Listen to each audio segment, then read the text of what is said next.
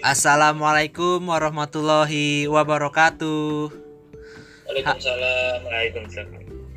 Halo Transbro dan Transis, uh, kembali lagi bersama kami di Transport Podcast uh, episode spesial kemerdekaan Indonesia yang ke-75 nih. uh, kali ini kita bakal bahas-bahas banyak soal Surabaya Bus ya sebuah bus yang uh, terkenal di Surabaya dan pastinya kita mendapatkan bintang tamu yang spesial juga dari forum diskusi transportasi Surabaya. Bener tuh kak. Assalamualaikum. itu mana itu? Oke, langsung aja kali ya kita ya. Uh, kita tanya dulu nih profil FDTS tuh kayak gimana sih dan kegiatannya tuh apa aja boleh nih kenalan dulu nih dengan Mas siapa ini? Saya Caka dulu apa Eko dulu nih? Ya, dua-duanya lah. Kalau saya Ravendra, biasa dipanggil Vendra. Uh, domisili di Mojokerto, kebetulan. Cuma karena di Mojokerto nggak banyak yang bisa digarap ya kalau soal transportasi, jadi ya garapnya yang di Surabaya aja gitu.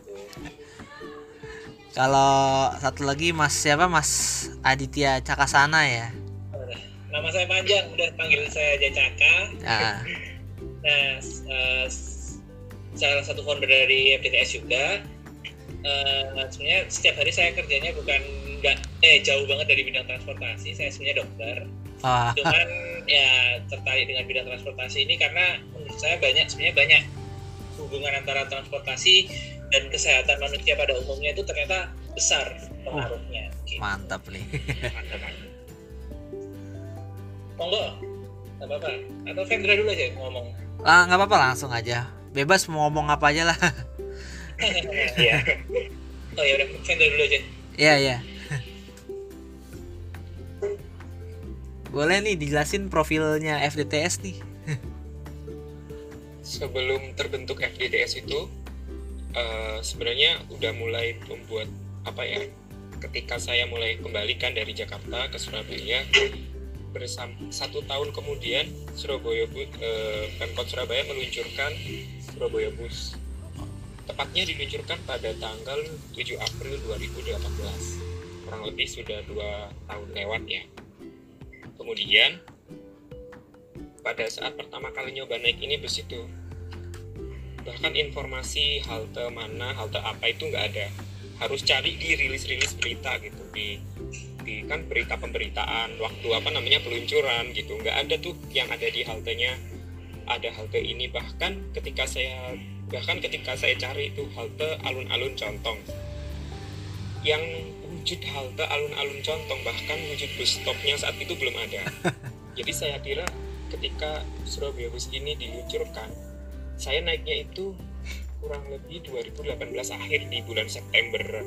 Di bulan Septemberan ya. Iya. jadi dari April sejak diluncurkan April sampai dengan September itu udah berbulan-bulan sejak diluncurkan. Tapi saya kira sangat belum siap untuk diluncurkan program ini gitu ya menurut saya. Karena sekedar untuk mencari halte saja itu orang itu kesulitan. Bahkan orang yang orang Surabaya sendiri itu kesulitan apalagi untuk orang lain. Kemudian uh, saya nuun izin ya sama uh, orang-orang FGTJ gimana kalau uh, aku bikin uh, petanya Surabaya Bus. Akhirnya masih nempel sama apa namanya identitasnya masih pakai identitasnya FDTJ kurang lebih. Kalau nggak salah sekitar bulan Oktober 2018 pasang peta pertama masih pakai namanya FDTJ kemudian setahun kemudian baru diinisiasi di tanggal 9 September 2019 Oke. Oh ya, sebenarnya mau nambahin dikit, sebenarnya kita memulai FDTS ini sebenarnya charge and counter banget deh. Jadi ceritanya kan saya kerja di suatu perusahaan sama bos saya di Jakarta. Jadi kebetulan saya itu juga sering bolak-balik Jakarta Surabaya walaupun sudah pindah ke Surabaya. Ah, oke. Nah, suatu waktu itu ketemu sama orang apa namanya tiba-tiba ada bawa nama Mas Yasin. Di situ Oh, ada iya. dokumen-dokumennya bawa nama Mas Yasin FDTJ. Ah, ah, ah. Nah, tuh ini ngapain kok ada urusan sama Mas Yasin ini kan saya tahu kebetulan ini kan orang yang di FTTJ itu loh ini teman saya loh Mas ini siapa oh ternyata si ini saya ketemu tuh sama Satrio yang mana foundernya FTTJ Iya. nah jadi berawal dari situ kita saling kenal satu sama lain punya visi yang sama terus kayak Mas nggak mau bikin sayapnya FDTJ tadi Surabaya karena kan Surabaya juga sebagai kota metropolitan terbesar kedua Heeh. tapi transportasinya apa ya welek lah kalau bahasa nah jadi oke oke boleh boleh nah ini terus dikenalin sama Mas Vendra terus mulai mulai merekrut anggota-anggota baru yang ada di sini gitu. Hmm, gitu. oh iya. Kegiatannya tuh apa aja tuh mas? Kayak tadi kan ada nempelin peta dulu, terus kalau untuk sekarang-sekarang tuh makin giat lagi dong pastinya tuh kayak apa aja sih?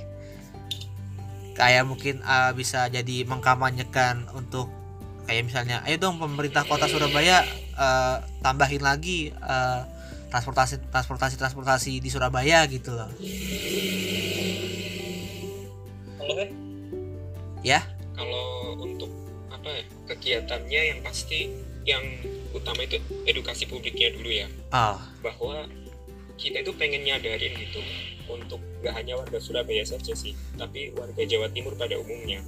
Bahwa kita itu butuh Surabaya sebagai ibu kota provinsi. Itu transportasi umumnya bisa diandelin. Iso dijaga no ya bahasa hmm. Surabayanya itu. Iso dijaga no.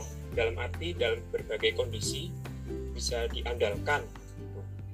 Nah publik sebelum kita pada saat awal-awal kita mulai gerak gerak warga arek-arek Surabaya ini kurang sadar belum sadar kalau kotanya itu terbelakang di bidang transportasi umum mereka itu masih tertutupi dengan taman yang hijau Hmm. jalanan trotoar yang bagus ya kayak kamuflase kamuflase lainnya gitu. seolah-olah transportasi apalagi dengan hadirnya Surabaya Bus yang juga banyak dapat puja-puji dipuji wah sudah ada Surabaya Bus kok gitu. Surabaya nggak terbelakang lagi. Padahal ya sekarang seperti yang sekarang kita bahas ya Surabaya itu nggak secantik busnya. Gitu. Yang kedua selain kita mengedukasi publik yaitu advokasi sih pendekatan ke pemerintah daerah. Pendekatan ke pemerintah daerah. kota Surabaya. Tidak hanya ke pemkot saja sih tapi juga rencananya ke harusnya. Ya rencana kami itu ke DPRD DPR. sama ke pemprov juga karena perizinan transportasi lintas kabupaten kota itu kan di pemprov Iya, bukan di pemkot saja betul betul.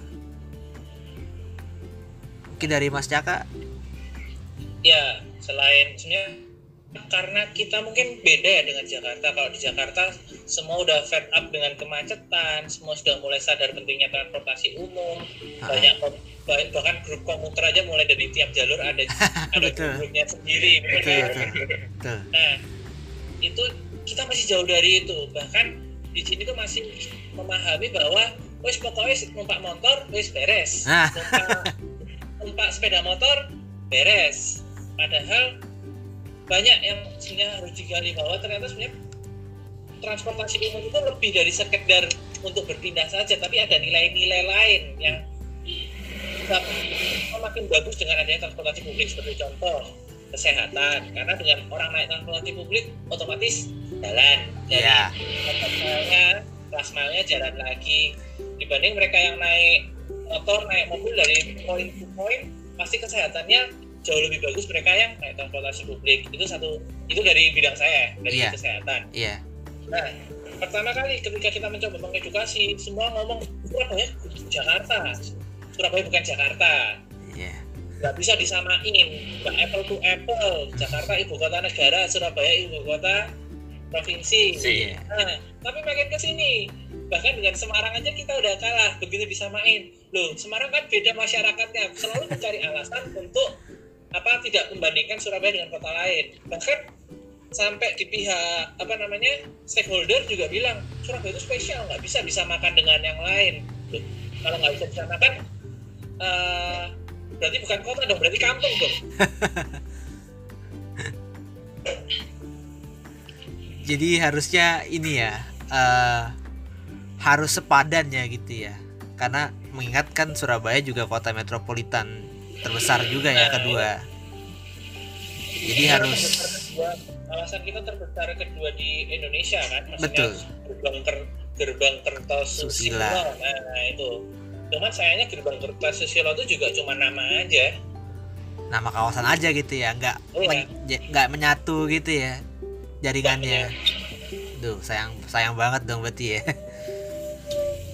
juga gini kak apa sebagai gambaran kalau semua ada temen ke sini kita tanya ya apa nek cara caranya muter muter Surabaya? Pasti kita pasti menyarankannya ya pakai gojek atau pakai mobil nggak mungkin pakai transportasi umum nggak kayak di Jakarta. Betul, betul. Hmm, betul. Hanya sebuah kayak apa car or bike sharing aja gitu ya. nah, Belum mungkin yang mau nambahin? Ini yang soal banding-bandingan kota tadi itu itu menarik sih. Ketika eh, kita membandingkan Surabaya dengan Jakarta bilangnya nggak level. Mereka ibu kota negara. Membandingkan Surabaya dengan Jogja beda. Mereka daerah istimewa. Bila, iya ini beneran loh. Membandingkan Surabaya dengan Semarang beda. Beda ada aja ya yang dicari bedanya. Tapi iya. lucunya Pemkot itu suka nyaman-nyamain lembaganya, kotanya dengan luar negeri, dengan Liverpool lah, dengan kota mana deh, Bisa, mana bisa. aja gitu ya. oh iya Liverpool Busan kita Kyushu waduh wow banget gitu loh Bahwa bahkan membawa membawa hashtag Surabaya mendunia. Ah, Tapi yang mendunia itu sebenarnya apanya sih? Apakah cuma di Instagram doang? Instagramable doang gitu ya. Oke, berarti kita langsung aja nih lanjut nih ke Surabaya Busnya aja nih langsung ya. Jadi eh, Surabaya Bus tuh apa sih? Terus awal berdirinya tuh tahun kapan? Tadi tuh eh, di itu ya. Bulan apa? April. April 2018 ya. Ya, Nah, itu Surabaya Bus itu jatuhnya tuh BRT atau bis kota biasa reguler atau gimana sih? Mas Hendra kalau eh, Surabaya Bus ini eh, kita eh, bingung sih. Saya eh, kami sendiri tuh mengklasifikasikan meng apa ya, mengkategorikan dia ini sebagai apa itu juga bingung karena serba nggak jelas. Dibilang nggak jelas karena dia dikatakan transportasi umum itu tidak memenuhi kualifikasi. Dikatakan sebagai bus kota juga secara de facto dia kota Iya, tetapi dia tidak memenuhi kuali tidak qualified untuk disebut sebagai bis kota. Dikatakan sebagai BRT jelas bukan BRT karena tidak mempunyai jalur sendiri khusus. Betul. itu. Nah, jadi sepanjang ka- kalau kami sih nyebutnya dia bus cuma bus wisata aja. Oh, odong-odong lah Ya, dia bus kota tapi tidak ditujukan untuk kebutuhan transport mobilitas sehari-hari. Hanya bagi mereka yang ingin muter-muter kota aja deh. muter-muter kota Itu doang. sih karena eh, saya pernah komen di postingannya The Rapid Fans ya di Instagram. Iya. Ini yang kemudian komen saya itu disematkan oleh adminnya Rapid Fans. Oke. kira-kira gini layanan bus ini tuh cuma gimmick doang cuma tipuan gitu. Karena mek tipuan tok lah. Ya layanan busnya itu cuma tipuan doang karena dia dikatakan sebagai transportasi umum itu juga tidak memenuhi syarat. Dengan berbagai syarat yang nggak terpenuhi itu banyak ya. Salah satunya ya plat merah. Hmm. kemudian pembayarannya cuma bisa pakai sampah. Nah, pelayanan Surabaya Bus ini dasar hukumnya itu perwali peraturan wali kota nomor 2067 tahun 2018. Nah, kemudian termasuk di dalamnya mengatur metode pembayarannya dan lain-lain. Kemudian peraturan ini diperbarui dengan perwali 26 2020 yang paling baru. Hmm. Nah, di dalam perwali tersebut Surabaya Bus itu fungsi utamanya bukan sebagai moda transportasi. Ini yang unik. Oh, Tetapi sebagai sarana edukasi sampah. Jadi saya kira menurut saya ya, menurut opini saya pribadi, Surabaya Pemkot ini bermain-main sendiri dengan hukumnya itu. Dia mengatakan Surabaya Bus ini transportasi umum, tetapi Ah. di dalam produk hukumnya dia bukan transportasi umum. Tujuannya bukan untuk memfasilitasi warga kotanya untuk bermobilitas, tetapi untuk edukasi sampah. itu kasih sampah malahan ya. Jadi ambigu gitu. Ini disebut transportasi umum, tapi bukan bukan transportasi umum, tapi untuk umum. mau nambahin dikit Iya. kalau di apa namanya aturan tadi itu disebutkan namanya bukan Surabaya Bus tapi Bus Surabaya Kenapa tuh? jadi nah ini sampai sekarang kami nggak tahu alasannya kenapa kok di situ disebut Bus Surabaya tapi de facto-nya ditulis namanya Surabaya Bus Hmm. nah kalau anak hukum harusnya kayak gini nggak bisa aturan yang itu tidak bisa mengatur objek hukum yang mana Iya. logikanya kan begitu. So, mama aturan mengenai Transjakarta ya namanya di aturan hukumnya Transjakarta. harus Transjakarta. Jakarta, betul. Nggak bisa kita bikin aturan Transjakarta, tapi apa namanya bisnya namanya Trans Jabodetabek, otomatis bukan objek hukum yang sesuai kan. Betul. betul. Nah, jadi semuanya memang serba mengambang. Dan juga tidak ada partisipasi publik. Mau nambah rute juga nggak tahu, tiba-tiba cuma diberitakan di, di koran.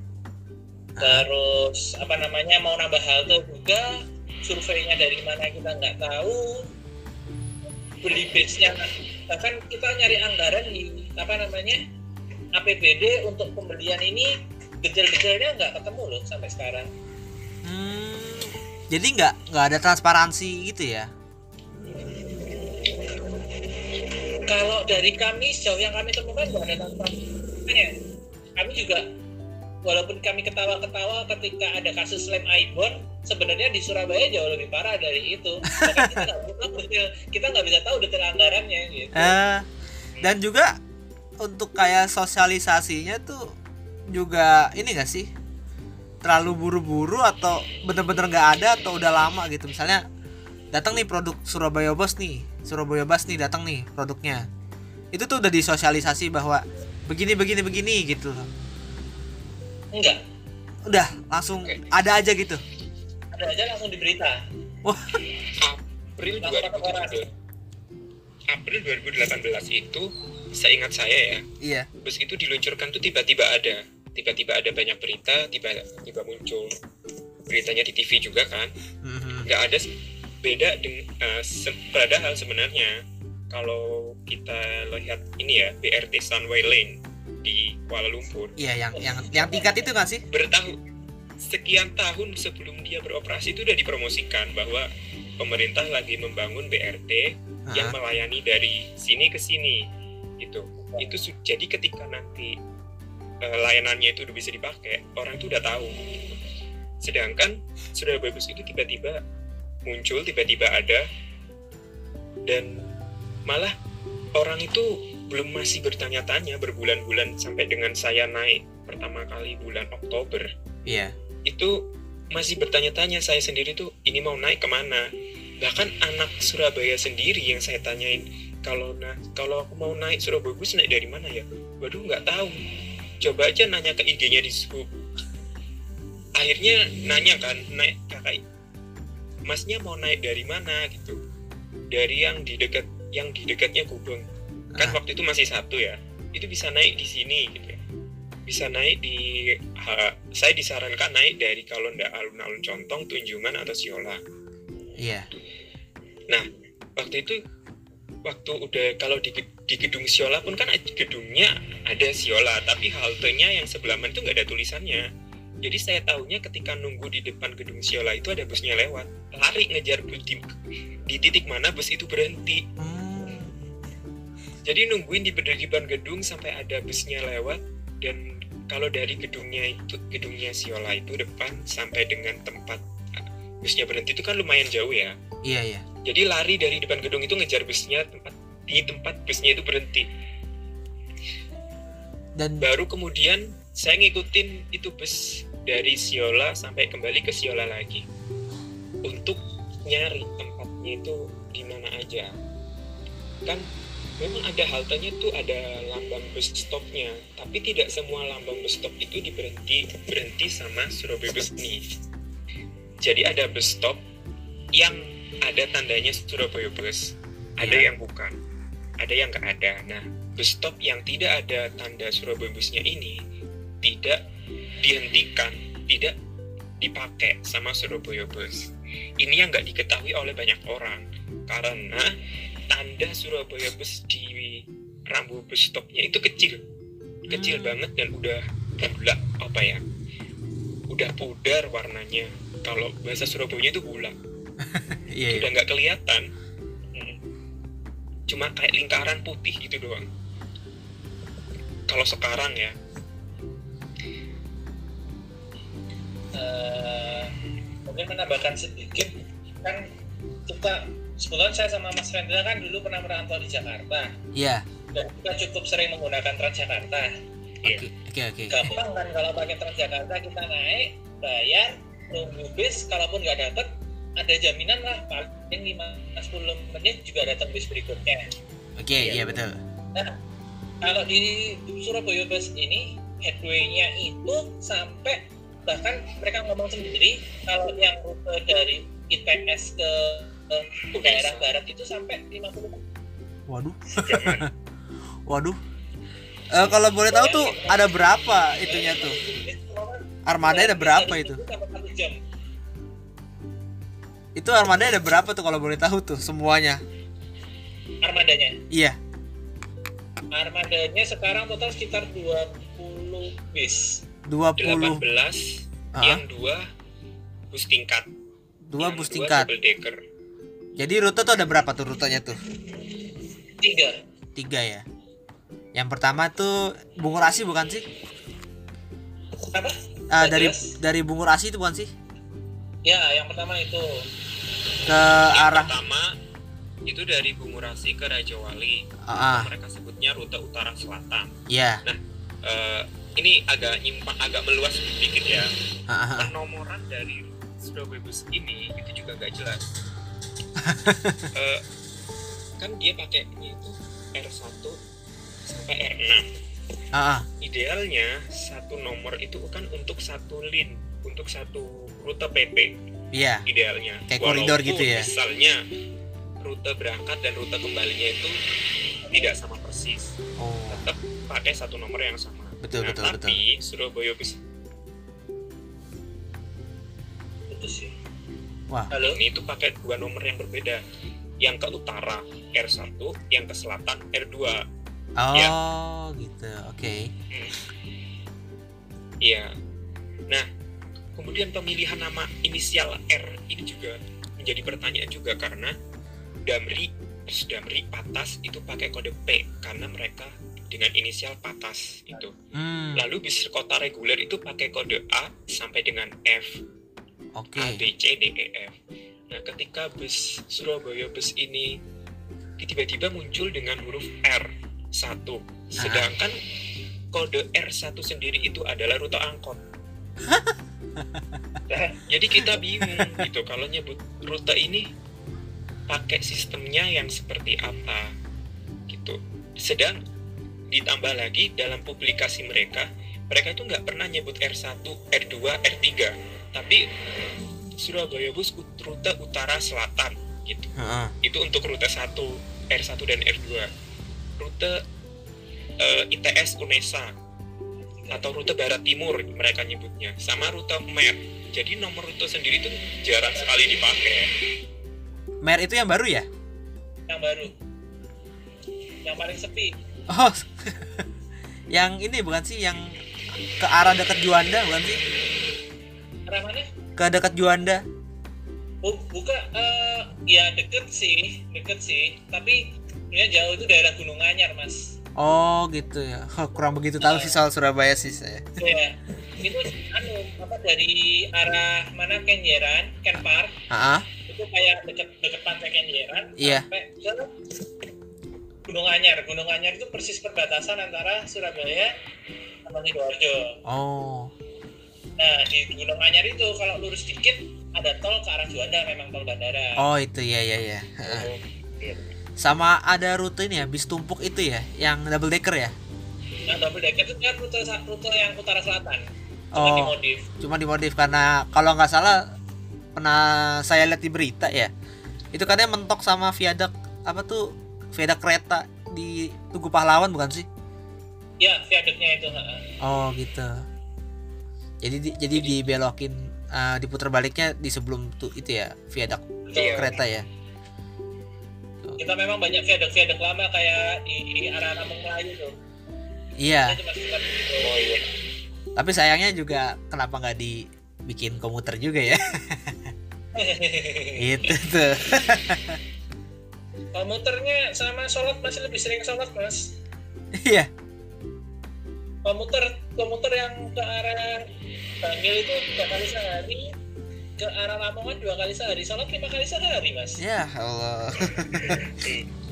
jadi kalau mau berangkat naik komuter kalau nggak dapat kereta itu ya udah harus mikirin naik apa selain kereta soalnya kan kalau masalah jadwalnya yang kan 64 eh, Empat dua puluh. 420 420 kalau 420 kelewatan itu ber- berikutnya itu jam 10-an jadi udah pasti nggak nggak bisa dipakai nggak bisa dipakai nggak bisa naik kereta gitu Oh. Iya, benar. Oke, kita balik ke, ke soal armadanya nih ya. Berarti kan tadi kan ada ar- armadanya ada 18 ya. Yang bis yang low deck itu tuh yang buatan laksana itu. Iya, City Line. Nah, nah itu 18 untuk tiga rute. Iya. Oh, Iya. pa- pantes Itu udah banget. jalan semua loh, Oh. Di rolling ya? di rolling. Bisa di bisa ngecek tiap hari kok di aplikasinya mereka itu. Biasanya yang jalan cuma 14-an paling. Hmm. Untuk tiga rute 14 berarti ya jelas-jelas aja sih ya headway-nya bisa sampai sejam ya. Mereka itu sistemnya dari dari 18 bus ini itu yang pasti dibuat standby itu 4 2 sampai dengan 4 bus yang nggak Hmm. dipakai yang di standbyin ini kan memang eh, dalam apa operasional transportasi umum itu wajar ya Iya. iya. sebuah apa pakem jadi ketika ada apa-apa dengan bus yang sedang jalan bisa digantikan sama bus yang standby ini Hmm. Iya. untuk pembagiannya biasanya untuk yang utara selatan itu paling banyak 5 bus ya 5 sampai dengan 6 bus dan yang paling sedikit itu rute map rute yang Kenpak ke Gunung Anyar. Iya. itu cuma kadang malah cuma dua. Jadi otomatis kalau kita dari Kenpak itu nunggu bus yang dari Gunung Anyar itu nyampe baru bisa naik. Karena cuma dua di, di masing-masing satu di ujung. Nah, kalau udah berhenti kalau udah nyampe di halte terminus itu untuk berangkat lagi dia nunggu 30 menit jadi saya pernah naik dari saya pernah naik dari dari daerah tengah kota ya ke Iya. arah ITS ke arah maunya itu ke ITS tapi karena bisnya kan muter dulu tuh hmm, ketika barat dulu. Nah ke barat eh mau ke Unesa mau ke Imasa naik da- naiknya itu dari daerah sekitar Kerta dari mana itu apa Darmo ya?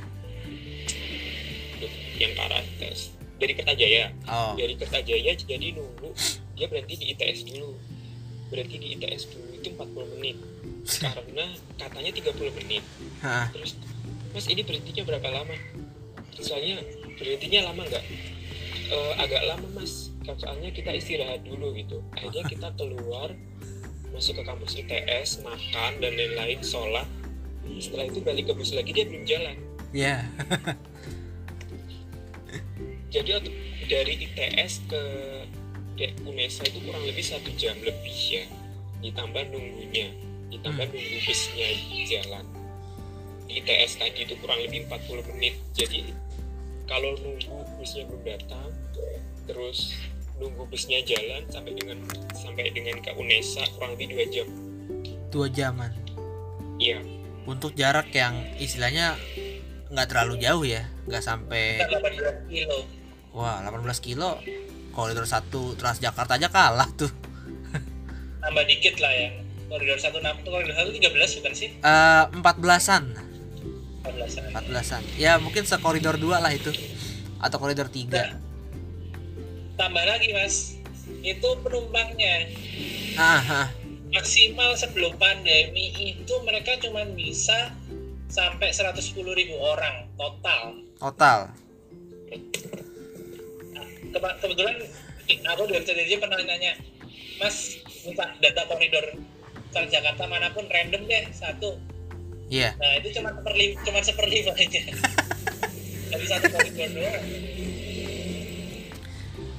eh nih ya Karena mungkin cuma hanya nerima sampah itu loh masalahnya menurut kalau menurut kami. Nah. Itu kan mempersulit sekali karena siapa ya? Iya kalau memang punya tiap hari pakai botol plastik. Kalau dia udah pakai tumbler gimana? Iya. Nah benar-benar Nah ini nih saya mau tanyain itu tuh kenapa harus botol plastik sih? Karena kan emang ya di dasar hukumnya karena untuk sampah itu tadi kan itu tuh nggak ada niatan untuk cari pengganti sistem pembayaran yang lebih efektif kan gitu? Kayak misalnya pakai apa tap on bus gitu loh. Itu nggak ada niatan ke situ apa? Dan itu sampah dibuang ke mana gitu loh masalahnya?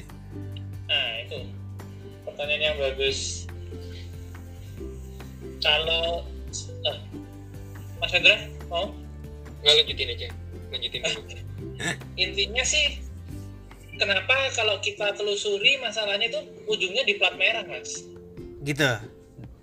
kalau plat merah kan otomatis bukan apa bukan angkutan seperti tadi kata Mas Vendra kan dia memang edukasi sampah Iya. otomatis bawanya pakai sampah Iya.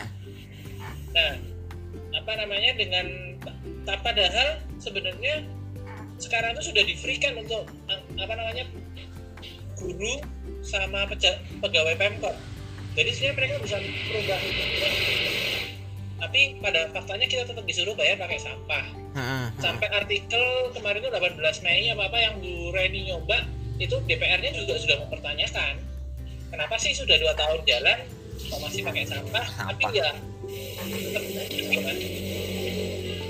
Tetap tetap apa tidak bergeming bahkan masyarakat sudah mulai ada yang menanyakan di surat pembaca juga diem aja Hmm, nggak ada respon dua minggu ini sudah sudah ada di surat pembaca belum ada respon dari dishub Jadi itu operatornya di sub ya gitu.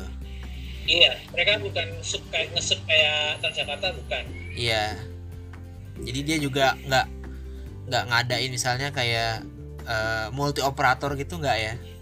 Hmm, enggak, belum ada sih. Tapi kalau dilihat dari okupansi orangnya itu sebenarnya tuh nggak terlalu rame ya karena headway-nya itu nggak sih? saya pernah aku pernah bikin hitung-hitungan ya Aha. eh, dari jumlah penumpang bulanan bulanannya dia pada bulan apa itu lupa Eh, dari pem- jumlah penumpang bulanannya satu bulannya dia sebelum pandemi ya. Aha. sebelum pandemi penumpang harian. Rata-rata penumpang harian dalam satu bulan dibagi jam operasional dibagi armada yang dioperasikan. Jumlah armada yang dioperasikan. Hasilnya itu satu bus setiap kali jalan dengan headway 30 menit itu cuma ngangkut lima orang. Lima orang. Jadi kalau dalam satu jam itu dia berangkat dua kali karena headway-nya 30 menit berarti kan cuma tiga rute berarti kan ada enam pemberangkatan ya dalam sejam Iya. ada enam Iya. bus berangkat Iya. dikali lima cuma 30 orang sejam 30 orang sejam. Banyak demitnya. Lebih banyak demitnya yang diangkut sama bisnya. Bawa kosongan doang ya. Bawa angin ya. nah yang menarik ketika kemarin eh, kebetulan kemarin kami berkesempatan ketemu sama bapak kadishub sama staf kadishub dengan bersama dengan komunitas pesepeda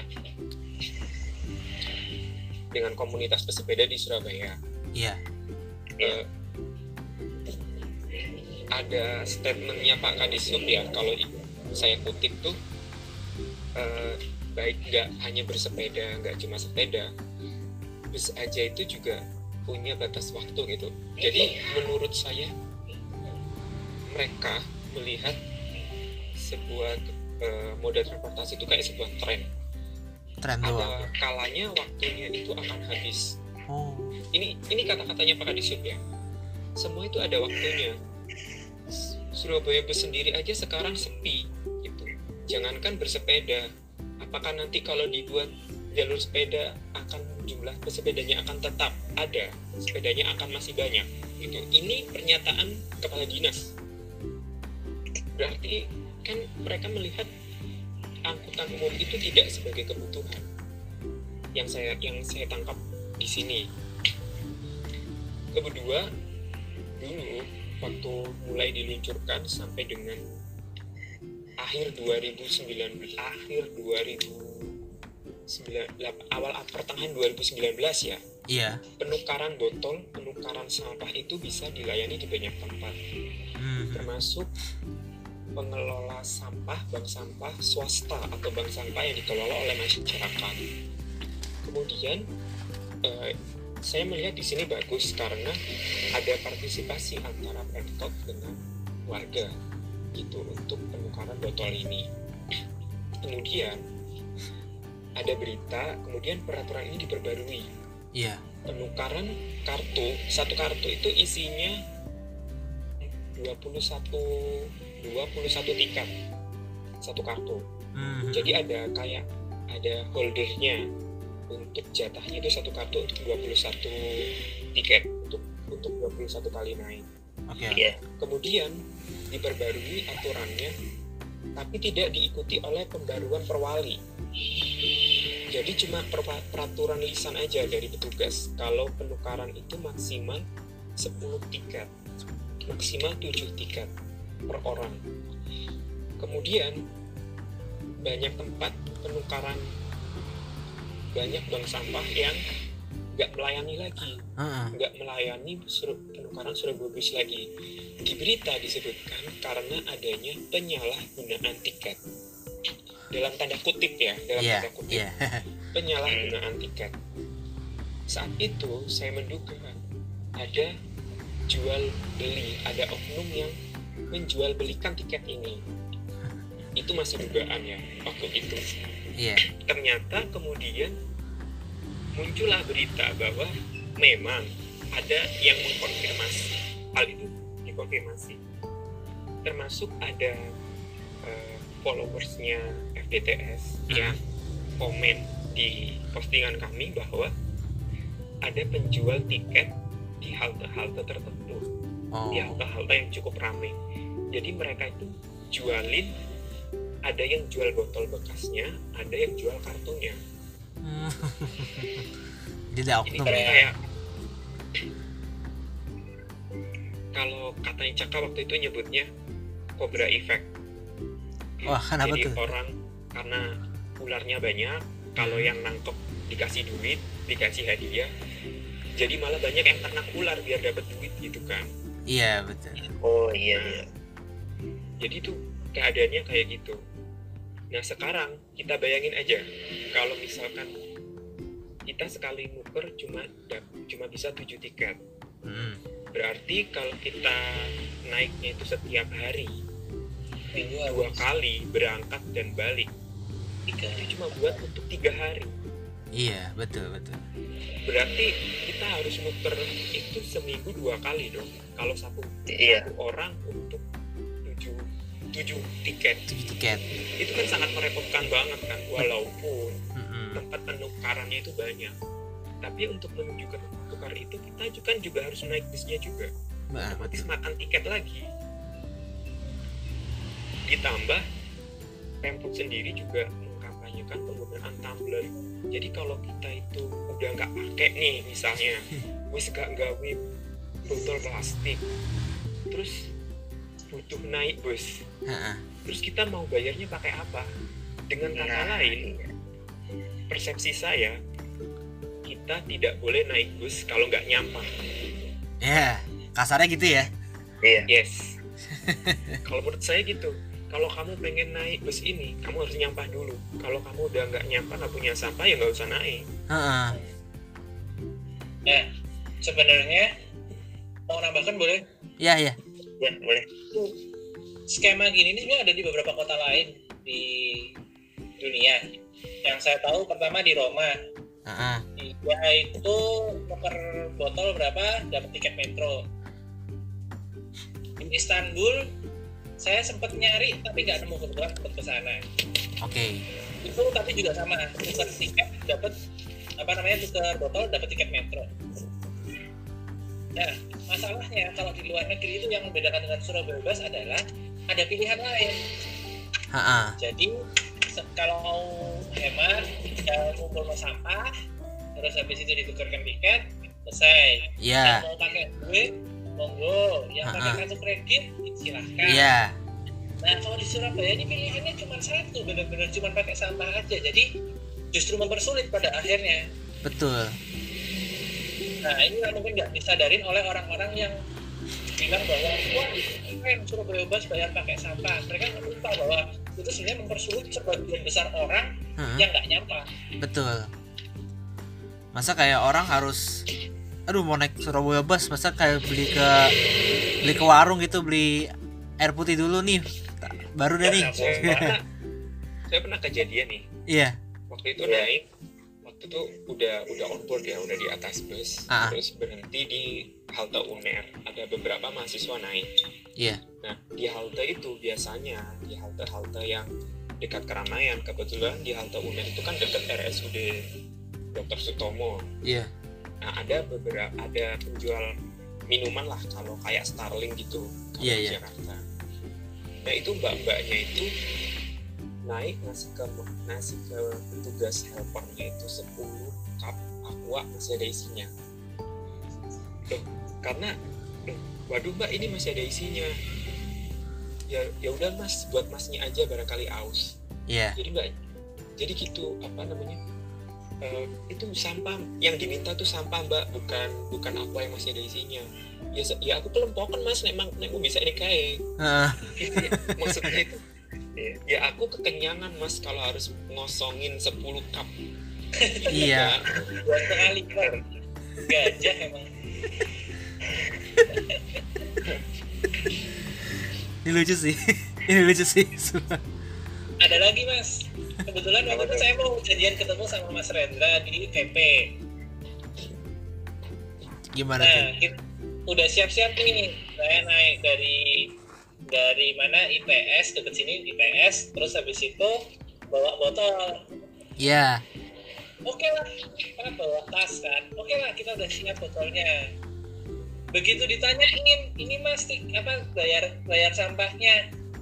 Nggak usah mas. Jadi saya ke tunjungan plaza tuh sambil bawa bawa sampah selama perjalanan itu. Mampus nggak? kayak ngebingungin ya ngebingungin gitu ya Nah, ada lagi. Kalau seumpama kan kita bisa nih dari bandara turun ke Bungurase. ya Secara teori bisa sambung dari Bungurase ke apa pakai Surabaya Bus. betul betul Tapi mana ada orang repot-repot dari bandara siap-siap botol 10 biji. kirain satu gitu ya 10 ngapain banget itu dikirain tuh satu satu botol satu tiket itu 10 gitu. 5 sih kalau botol ya. nah kalau cup Kalau kalau cup 10 ya ampun Kalau ngerepotin sih besar dia minta se- dia minta tiga kalau botol satu setengah sampai 2 liter ah ah. atau botol kayak botol deterjen cair gitu dia minta tiga untuk satu tiket kalau cup sama botol kecil yang kayak yang botol yang cuma 330 ml itu Hah. dia minta 10 nah untuk yang botol sedang botol kayak botol yang volume botol sedang ya 600 sampai setengah literan itu dia minta 5 Hmm. berarti kan kalau misalkan kita mau naik nih sekeluarga ya empat orang misalkan. Iya. Empat orang. Sekali naik kan butuh 40 cup. Iya. Iya. itu dia 10 cup itu kan sama dengan satu dus satu dus kan? iya. Sekali aja kasih dusnya. kalau nggak ada orang hajatan kita nggak bisa naik. Iya. Bener-bener dan itu sampahnya ke mana gitu loh? Masih saya penasaran sumpah. Apa di sampahnya ada berita Ah, ah, sampahnya itu dilelang dilelang jadi itu sebenarnya masalah juga kan? Iya. sama DPRD sampahnya itu dikemanain. Ah. udah numpuk banyak. Akhirnya Heeh, dijual dilelang buat didaur ulang. Berarti kan eh, perencanaannya Surabaya sendiri itu kurang holistik. Iya. Iya. Karena mereka belum mikirin ini sampah muaranya ke mana dan mau diapain. Gitu kan? Betul pernah saya naik itu eh, berkomunikasi ya sama helpernya. Gini mas eh, kapan ya mas kira-kira ada rencana nggak sih mas mau bi mau bayarnya itu pakai duit gitu biar makin banyak orang yang naik? Betul. Helpernya itu kebetulan kok cukup kooperatif ya waktu di ngobrol-ngobrol. Ya nggak apa-apa nggak usah lah mas pakai uang. Orang-orang sukanya pakai sampah kok gitu Hmm. loh kalau kalau aku nggak naik kalau aku nggak punya sampah gimana mas? Apa masa aku nggak boleh naik. Ya kan bisa cari dulu mas di dekat sampah. Orang itu begitu. Jadi di dekat-dekat halte bus itu kadang ada juga nih anak mahasiswa uner ya. Iya. CSR ya bikin CS bikin aksi CSR gitu. Nyediain tempat sampah di halte halte dan ditulisin. Botol ini digunakan untuk naik penumpang bus Surabaya bus yang tidak memiliki sampah. iya Nah, waktu ketika eh, diskusinya agak mulai memanas gitu ya, tiba-tiba petugas helpernya itu nanya gini, masnya warga Surabaya mana? Gitu. Masnya apa tinggalnya di lurah, di kelurahan mana gitu? Kok saya merasanya itu malah jadi intimidatif gitu kan? iya iya benar Soalnya ada juga orang yang kemudian nimbrung ke obrolan kami berdua gitu, yang penumpang-penumpang lainnya gitu. Iya mas, masa kita disuruh pakai tumbler? Kalau harusnya kalau pengen ramah lingkungan cukup tunjukin tumbler aja. iya Kalau itu ada lagi mbak-mbak kan dia bawa tupperware ya, kayak Iya. sebut merek ya. nggak apa-apa lah Dia bawa bawa bawa bawa tumbler ya, bawa tumbler. Mas, aku nggak bawa sampah, aku cuma bawa tumbler ini. Masa ini tak buang? Ya aku nggak mau lah Hah? ya nggak ya nggak usah ya nggak usah dibuang mbak maksudnya botol-botol minuman bekas yang lain ya aku nggak punya akhirnya tuh dibantuin sama penumpang lain yang punya kartu Ah, ah. dipakai Buat- kartunya penumpang lain gitu. Ah, ah.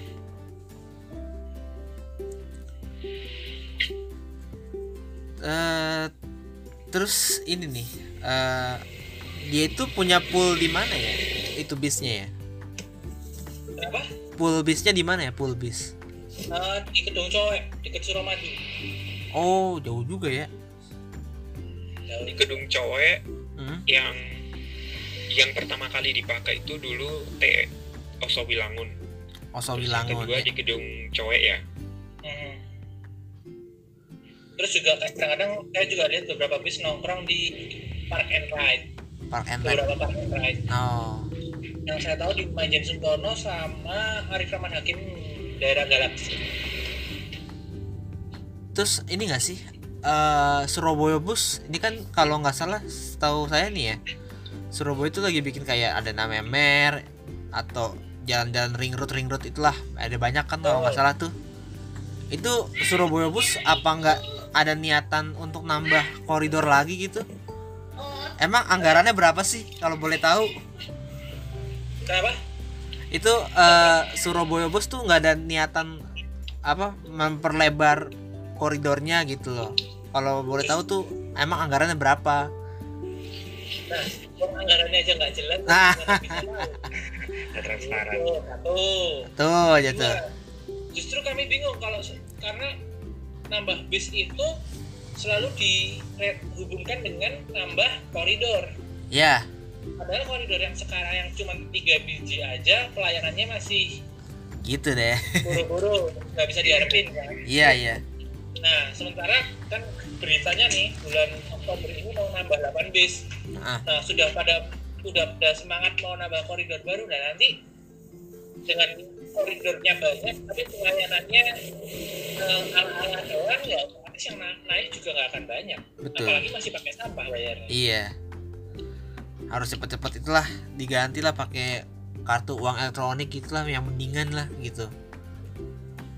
Nah, sayangnya masih sampai sekarang kok masih belum ada arah ke sana. Iya, masa pada Karena nggak ya tadi aturan sesuai undang-undangnya kan memang sarana edukasi sampah. Iya, berarti ya perwalinya juga harus ganti. Nah, itu Dan kembali lagi ke political will pada akhirnya. iya. Terus Ini UPT, eh, Hah? UPTD-nya sudah terbentuk iya, 2019 ya Ya, dengan perwali nomor berapa itu dengan perwali pembentukan UPTD transportasi umum itu sudah terbentuk dan sudah dipilih ketuanya. Oke. tetapi udah berbulan-bulan sejak UPTD-nya terbentuk dan ketuanya itu terpilih kepalanya itu belum. Nah, kalau kalau nggak kalau nggak boleh dibilang nggak ada progres itu ya nggak ada ya emang nggak ada progres sama sekali sih. Entah eh, sedikit apa namanya behind the scene-nya Surabaya Bus itu sebelumnya Heeh. disarankan dilimpahkan ke Damri Damri Oke. unit Surabaya Oke. tetapi Damri keberatan karena operasional bus ini bus Mercy ini terlalu besar Mm-mm. karena dibebankan karena bentuknya itu karena bentuknya itu kan Yang low deck itu ya. eh, ya bukan bu- bukan kayak bukan kayak Damri jadi operator gitu kan Iya.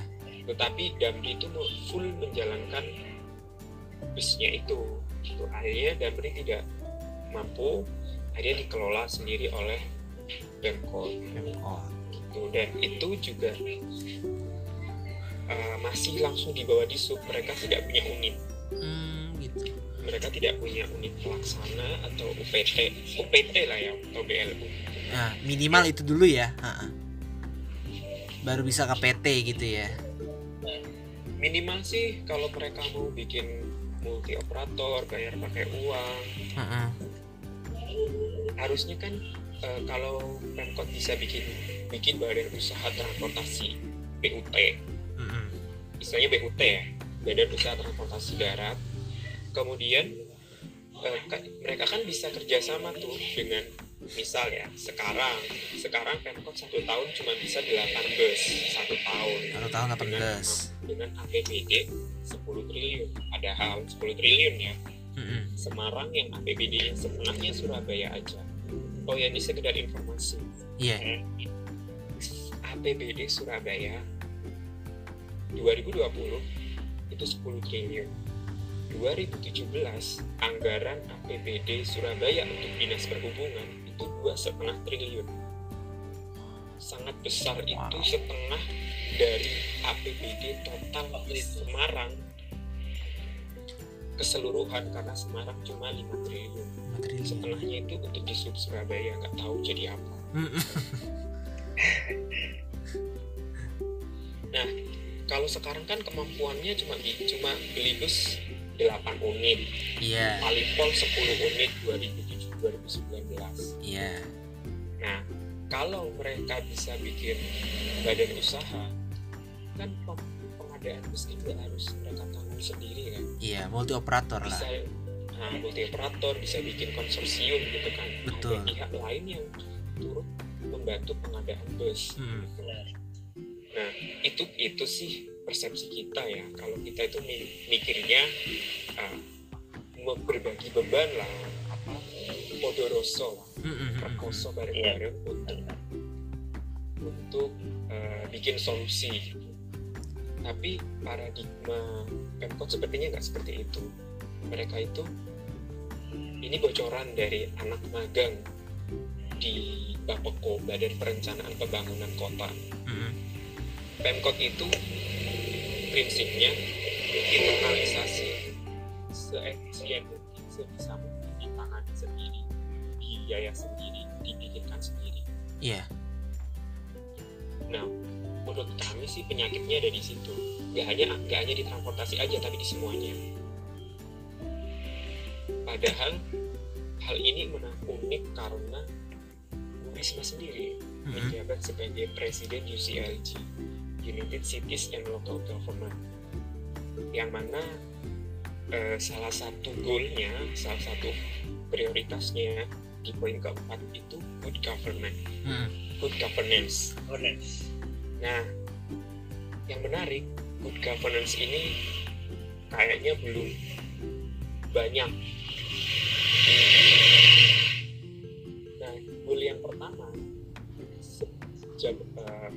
Beliau menjabat sebagai Presiden UCLG, goal pertama itu soal kemiskinan. Miskinan. Justru ini banyak ya, selalu dibahas di mana-mana. Hmm. Masih menjadi masalah kan. Iya. Iya. Nah, nambah- harus boleh nambah dikit. Iya, iya, boleh boleh. Eh, 2010 indeks Gini kita 0,36. Mm-mm. 2015 indeks Gini kita 0,39 meningkat. Iya. Iya. Berarti kesenjangan meningkat di Surabaya. Iya.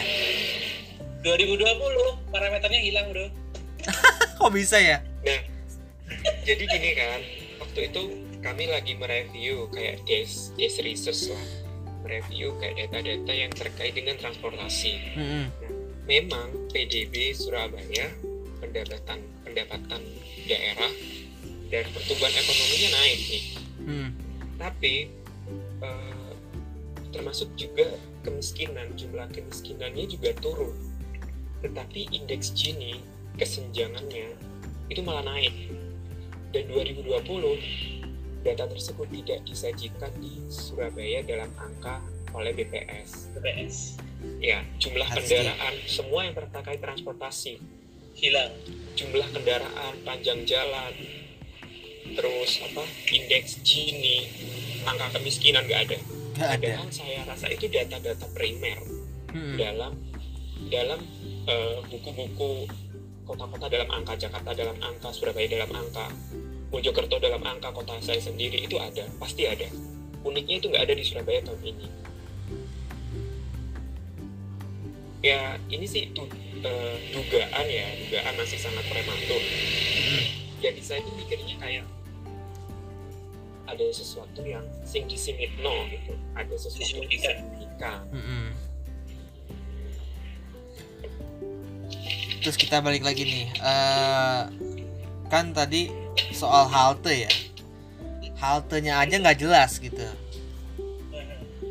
Berarti eh, untuk titik-titik integrasi ke antar halte pun juga nggak jelas gitu dong. Betul.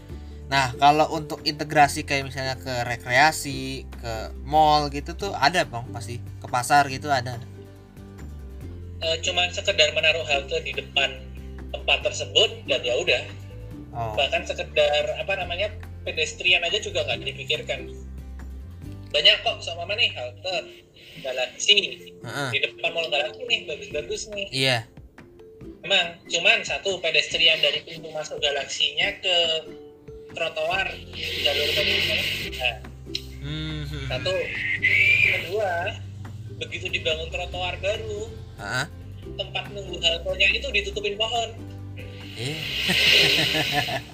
jadi nggak di, jadi nggak dipikir bahwa tempat halte otomatis kan aksesnya harus lebih mudah Terbuka, Ada jalannya, pasti. atau mungkin ada peneduh iya, apalagi Surabaya terkenal panas. Iya, nah banyak halte-halte kita yang masih bus stop. Bus stop doang. Dan udah puder lagi. ada yang sampai sampai di sebelah apa namanya itu PKL segala ada Hmm, jadi nggak status jauh lah kita dari Jakarta jauh bahkan dari Semarang aja sekarang udah ketinggalan jauh mas Betul betul. Trans Semarang sih lebih kayak lebih giat sih. Iya. Heeh. karena polit political will-nya kan apa Pak Hen- Henry ya kalau nggak salah Iya, Hendra apa Henry ya Hendra Hendra Priyadi. Hendra. Itu memang benar-benar memfokuskan untuk Trans Semarang itu sampai bikin feeder sampai bikin apa Betul. di Bahkan sini Hmm, rerouting aja nggak jalan-jalan dari 2005 eh 2015 angkotnya mau ditata katanya Ha-ha. disambungin ke nah, heeh. sampai sekarang nggak ada hasilnya itu aja Trans Semarang angkotnya udah mulai dijadiin feeder Trans Semarang kan Iya. Ah, layaknya juga kayak di kalau di Solo nih kayak BST berarti Solo Trans juga sama angkotnya juga masuk ke BST apalagi Jakarta eh, ya kita tahu lah Jaklingko itu Iya. nah Surabaya nggak ada niatan ke situ apa Sebenarnya ada sih rencana ya. Iya. Kalau kita sebut rencana ke sana sudah ada. sudah ada pasti Cuma sejak 2012 kalau menurut dokumennya Pemkot hmm, hmm. Yang sekarang masih ada ya, masih bisa diakses itu rencana rerouting dan uh, by the service ya, pembelian layanan angkot oleh Pemkot. Heeh. itu sejak 2008 2012 oh. Sejak awal-awal Bu Risma jabat itu udah direncanakan. Itu kalau kita bicara rencana. Cara rencana. Tapi, ya rencana. Kemudian rencana terbaru nih. Itu sebenarnya mereka bikin juga. Jadi ada fasilitas. Heeh, ada di fas- ada fasilitas dana dari pusat. Dari pusat. Untuk by the service. Heeh. rencananya kan by the service ini untuk uh, transportasi bus besar. Tetapi oleh Pemkot itu mungkin dinego agar by the untuk by the service angkot. Gitu untuk pengadaan angkot dan by the service angkot tapi tidak di rerouting rutenya rutenya tetap Hmm. dari ujung ke ujung Dan eh, tambahan lagi rute-rute yang di by the service ini, kalau dari bocorannya adalah rute-rute yang berhimpitan dengan Surabaya Bus. Hmm. Jadi nggak menambah luasan, nggak menambah jangkauan transportasi umum sama sekali. Jadi kayaknya paradigmanya tuh masih salah. Mereka menganggap bahwa transportasi umum ini cuman buat mereka yang termarginal ya, buat mereka yang nggak bisa beli mobil, buat mereka yang nggak bisa beli motor, bukan untuk semua. masih masih begitu ya? Mindsetnya masih gitu ya? Mindsetnya masih begitu saya rasa. eh jawab singkat nih. Surabaya butuh mass transit yang rail base nggak Perlu, perlu banget ya perlu banget. perlu banget ya Udah studinya dari kita tahun 2010. udah udah banyak wacana ya Ya, dan itu pertama kan harus intensifikasi rute yang ada, Heeh, kereta yang ada, motor yang ada. Selain itu kita juga perlu koridor dari barat ke timur. hmm betul Oke, itu pertama. Kedua, kalau kita buka halnya eh, ini yang bikin kepala disub yang sekarang nih tentang Surabaya Mass Rapid Transport. smart Nah, ya itu udah dibutuhkan dengan riset-riset yang ada apa bahwa dibutuhkan koridor utara selatan barat timur. Iya. Utara selatan rem, barat timur monorail. itu ya kalau Iya. nggak salah apa Surotrem Boyorel ya Nah, itu dari 2012 jadinya 2014. ah 2014 jadinya 2016. mm-mm. 2016 jadinya 2018. terus 2018 jadinya 2020. terus Begitu 2020 tanya tuh, jabatan gue sentek rek. mau sampai kapan Jadi intinya kita udah kenyang kenyang babi lah ini. capek ya gitu ya PHP betul. Ah, ah, Kalau kalau cewek PHP ya. PHP lah bisa Um, Eh, ironisnya rute-rute yang di apa namanya rencana tram sama monorail itu Heeh. adalah rute utara selatan dan barat timur dari Surabaya Bus itu. Iya, kalau nggak salah tuh yang Surotrem itu sama kayak Surabaya Bus yang dari Bungurasi ke Raja Wali ya. Surotrem, Betul. Surotrem tuh dari ini kan sih? Dari apa? Tramnya peninggalan Belanda nggak sih? Benar. Bener ya? benar Satu-satunya yang tersisa dari Surotrem itu justru pelebaran jalan. Iya. Karena jalannya katanya mau dilebarin buat tram. Udah dilebarin doang. Selesai sampai di situ. Iya. Padahal sih untuk naikin mukanya Surabaya tuh mantep juga sih kan kalau Surotrem itu lah tunjungan ya tau lah itu kayak downtownnya Surabaya gitu nggak sih? Oke, eh, kalau ini nih untuk harapannya buat Surabaya Bus gitu, sama masyarakat Surabayanya deh. Kalau pakai bahasa bahasa Surabaya juga nggak apa-apa dah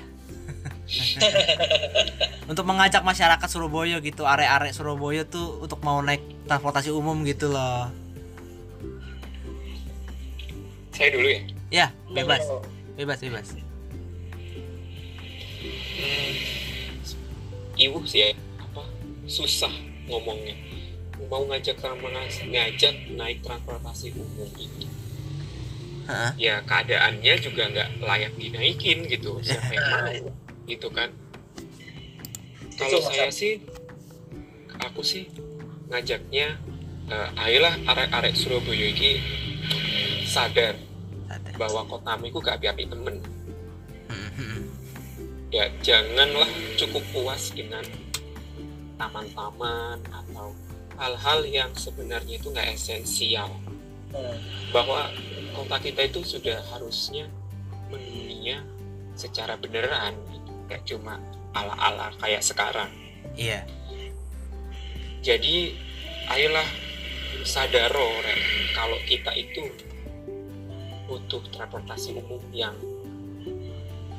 asli lah yang bener gitu. Asli. Nggak yang tipu-tipuan pakai sampah lah atau apa kayak gini. Mm, mm, mm.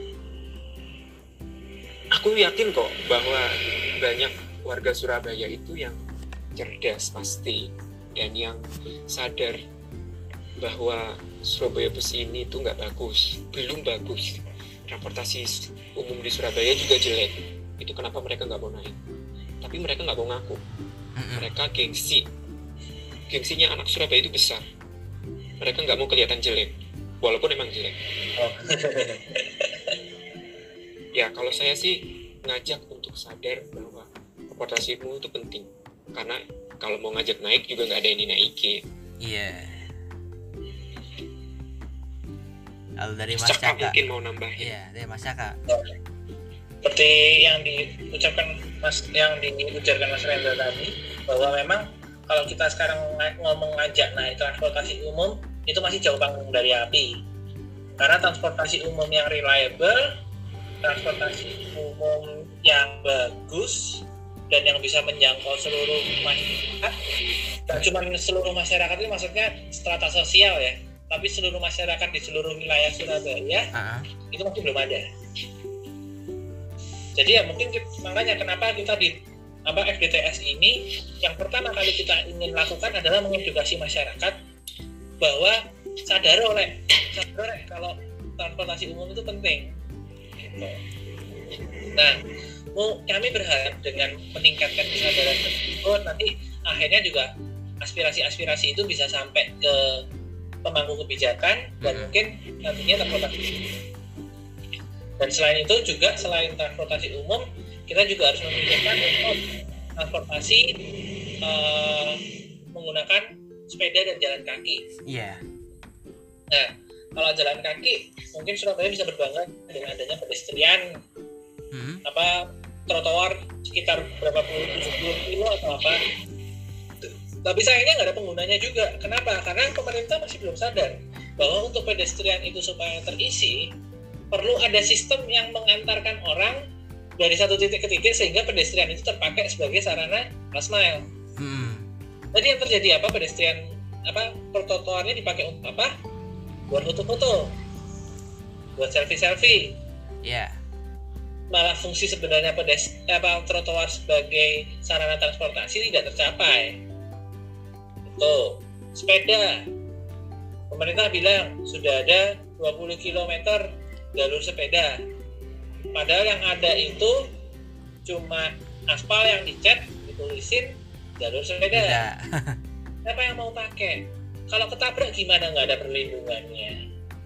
Terus kalau semua kita naik sepeda kalau di Jakarta sekarang bisa naik sepeda, turun, bawa ke MRT, lipat, iya keluar dari MRT, sepeda lagi. iya Nih, nggak semua orang mau mengayuh dari apa namanya dari Perak sampai ke Bungurasih kan? iya Nah itu, jadi apa namanya transportasi itu untuk semua orang intinya Mm, mm, mm. dan harus harus sudah mulai dibikinkan secara serius karena kita sudah jauh ketinggalan.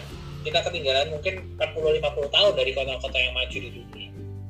baik baik Mungkin Mas Rendra ini hilang ya. keluar Oke.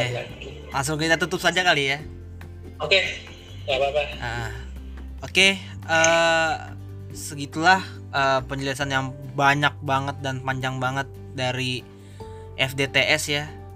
Semoga bermanfaat ilmu-ilmunya dan buat area-area Sur Surabaya nih ya, buat area-area Surabaya pakailah transportasi, gunakan transportasi umum dan cintailah.